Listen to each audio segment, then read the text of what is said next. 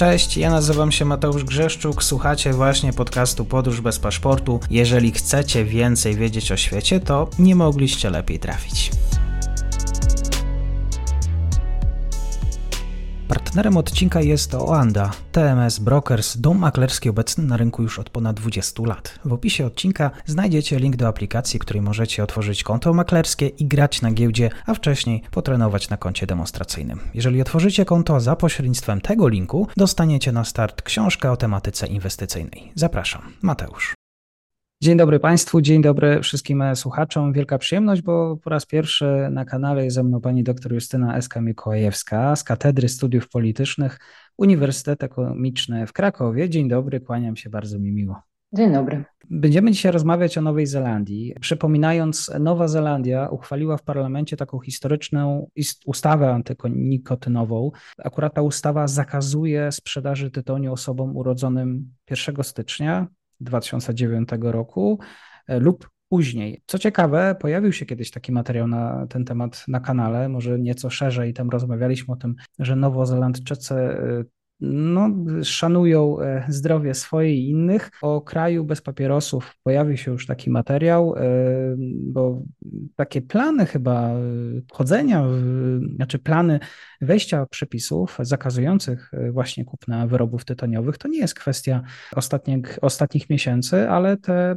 pomysły już zrodziły się wśród ustawodawców już jakiś czas temu. Zdecydowanie tak. Można powiedzieć, że takim początkiem był rok 2011, czyli praktycznie już ponad, ponad dekadę. Tak, ta kwestia e, właśnie realizacji tego celu, jakim jest ostatecznie Nowa Zelandia wolna od dymu tytoniowego do 2025 roku, została właśnie zapoczątkowana w 2011 roku. Przy czym e, można zwrócić uwagę, że to nie była jakaś taka spójna strategia, faktycznie w ramach której spajały się stanowiska poszczególnych partii e, politycznych e, Nowej Zelandii.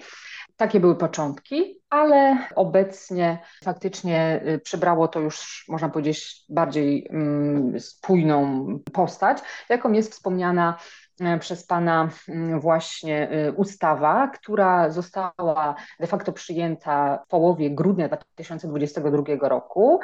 E, natomiast 6 czerwca 2023 roku, czyli, czyli niedawno, została ogłoszona stosunkiem głosów 76 do 43. To też nam daje pewien obraz, że w zasadzie dość sporą większością obecnie mamy rządzącą partię pracy przy wsparciu partii zielonych. Były też głosy przeciwne, były też głosy krytyczne, które wyrażane były przez e, partię ACT. To jest taka partia libertariańska, partia bardzo wolno rynkowa, która e, tutaj w zasadzie podnosiła takie właśnie argumenty, jak to się ma do kwestii wyboru, prawda, wolnego wyboru każdej jednostki, e, a zatem taki odwieczny dylemat, jak pogodzić prawo jednostki do powiedzmy też palenia bądź niepalenia, a kwestia korzyści społecznych, jakie tutaj na pewno są oczekiwane.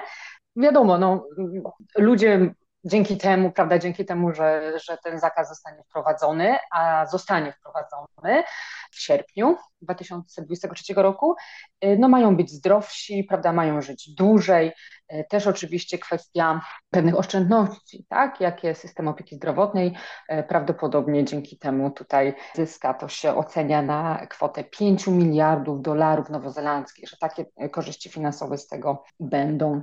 Mhm. W latach 2011-2012, jeżeli chodzi o procent dorosłych, którzy palili papierosy w Nowej Zelandii, to było około 16,4%. Dzisiaj, e, powiedzmy dwa lata temu, e, może dane sprzed dwóch lat, to 8% dorosłych. Podobno dzisiaj niewielki procent, dzisiaj nastolatków e, pali papierosy w Nowej Zelandii. Zastanawiam się, czy to jest dobra metoda, zakazać, czy może bardziej uwrażliwiać, edukować.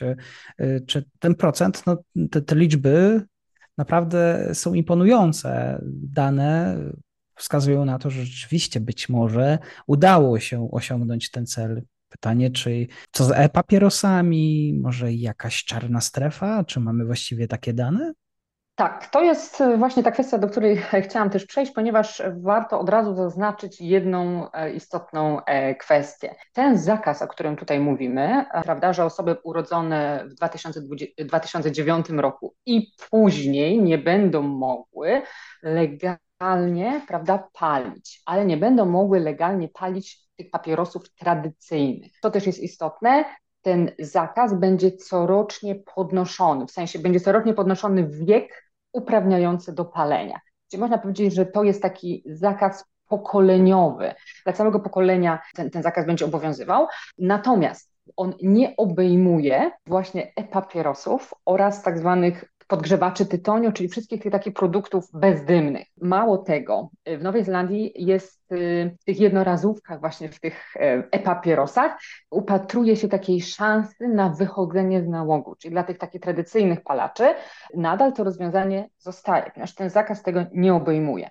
Te, mało tego, produkty bezdymne są refundowane przez Ministerstwo Zdrowia Nowej Zelandii. I tutaj właśnie, y, jak zostało wspomniane, faktycznie na ten moment w porównaniu do ubiegłego roku mamy 8% takich regularnych, czyli codziennych palaczy, ale mówimy o tradycyjnych papierosach i spadek, ale z drugiej, i to jest najniższy wskaźnik w historii, od kiedy jakby badania są prowadzone, ale mamy do czynienia ze wzrostem takich codziennych użytkowników właśnie e-papierosów i tych różnych produktów, powiedzmy tych bezdymnych. I tutaj sytuacja jest taka, że rzeczywiście zrodziła się taka moda, moda i duże zainteresowanie osób młodych, czyli takich młodych nieletnich, ale też młodych dorosłych, czyli y, osoby w wieku 15-17 lat, ale też 18-24, młodych, które którzy codziennie korzystają właśnie z e-papierosów. I ta liczba się potroiła. Mhm, są nieubagane. To widać nawet na polskich ulicach, że ludzie sięgają częściej po te e-papierosy w różnej formie, bo to też powiedzmy każda firma ma inny produkt. To może mamy, tam mamy ten ukryty procent, te ukryte procenty, które zmalały akurat w innych statystykach. Być może tak. I tutaj właśnie y, jeszcze tak porównując ten spadek codziennych użytkowników tradycyjnych papierosów jest jednak niższy, aniżeli wzrost właśnie tych użytkowników e-papierosów. Więc tutaj faktycznie ta relacja no, wypada na niekorzyść. Jest to na pewno jakiś rodzaj ukrytego, ukrytego palenia, prawda, pośród, pośród Nowozelandczyków. To jest bardzo, mm, tak jak już wspomniałam, modne, jest wiele promocji, to jest jakby promowane, zwłaszcza w mediach społecznościowych, czy przez różnych, y, przez różnych y, znanych ludzi, jakichś takich influencerów. Wielość tych produktów, tak, do, do właśnie e, tych różne smaki, tak, więc to się odbiera jako coś takiego bardzo interesującego, przyciągającego, więc zainteresowanie, zwłaszcza wśród młodych ludzi, wśród młodych maorysów, też e, zwrócę na to uwagę, młodych dziewcząt, ale również e, chłopców, więc to zainteresowanie jest, jest coraz większe i rzeczywiście tej grupy użytkowników, tak, papierosów, no ta ustawa nie obejmuje, więc, e, więc to jest bardzo, bardzo ciekawe. A jeszcze wspominając, bo są pewne przepisy. Akurat dlaczego Nowa Zelandia? To znaczy, ojcem tej, tej, tej nazwijmy, zdrowego stylu życia, e, ojcem matką e, tego, te, tej, tej ustawy, bo gdzieś się musiał narodzić ten pomysł. Dlaczego akurat Nowa Zelandia? Ja bym powiedziała w ten sposób. Ogólnie rzecz biorąc, Nowa Zelandia jest takim krajem, który już nie po raz pierwszy jest e, pionierem w różnych rozwiązaniach, w różnych, można powiedzieć, takich no, kontrowersyjnych decyzjach. Ja bym wspomniała o kilku takich tutaj wcześniejszych, czy, czy, czy wręcz równoległych takich rozstrzygnięciach, decyzjach, które też wchodzą teraz w życie, to też są bardzo ciekawe e, tematy do, do, do ewentualnie szerszej dyskusji. Chociażby to, to wspomnę o takiej bardzo, bardzo, bardzo wczesnej. Nowa Zelandia to kraj, który jako pierwszy prawda, na świecie wprowadził prawa wyborcze dla kobiet. To był jeszcze XIX wiek. Ale Nowa Zelandia to jest kraj, który uznawał aborcję aborcję za nielegalną, zliberalizował swoje prawo w ten sposób, że dzisiaj mamy aborcję całkowicie legalną, tak? I to był rok 2020. I bez względu na wiek, bez względu na tydzień ciąży, ta, ta aborcja nawet bez uzasadnienia może być wykonywana w zasadzie przez cały czas trwania ciąży. Nowa Zelandia to jest też pierwszy kraj na świecie, który, to jest też taka niedawna decyzja, wprowadził pełną legalizację kontroli narkotyków czy również obowiązkową sprawozdawczość związaną z klimatem dla instytucji finansowych, których aktywa przekraczają miliard dolarów nowozelandzkich i które właśnie jakby zostawiają ten ślad, ślad węglowy. Też jest to kraj, który ma zalegalizowaną tak, eutanazję. I to są takie decyzje, te, o których mówiłam, bardzo, bardzo też y, takie aktualne, to są lata między 2020, to jest ten okres 2020, 2000 właśnie 20, 21.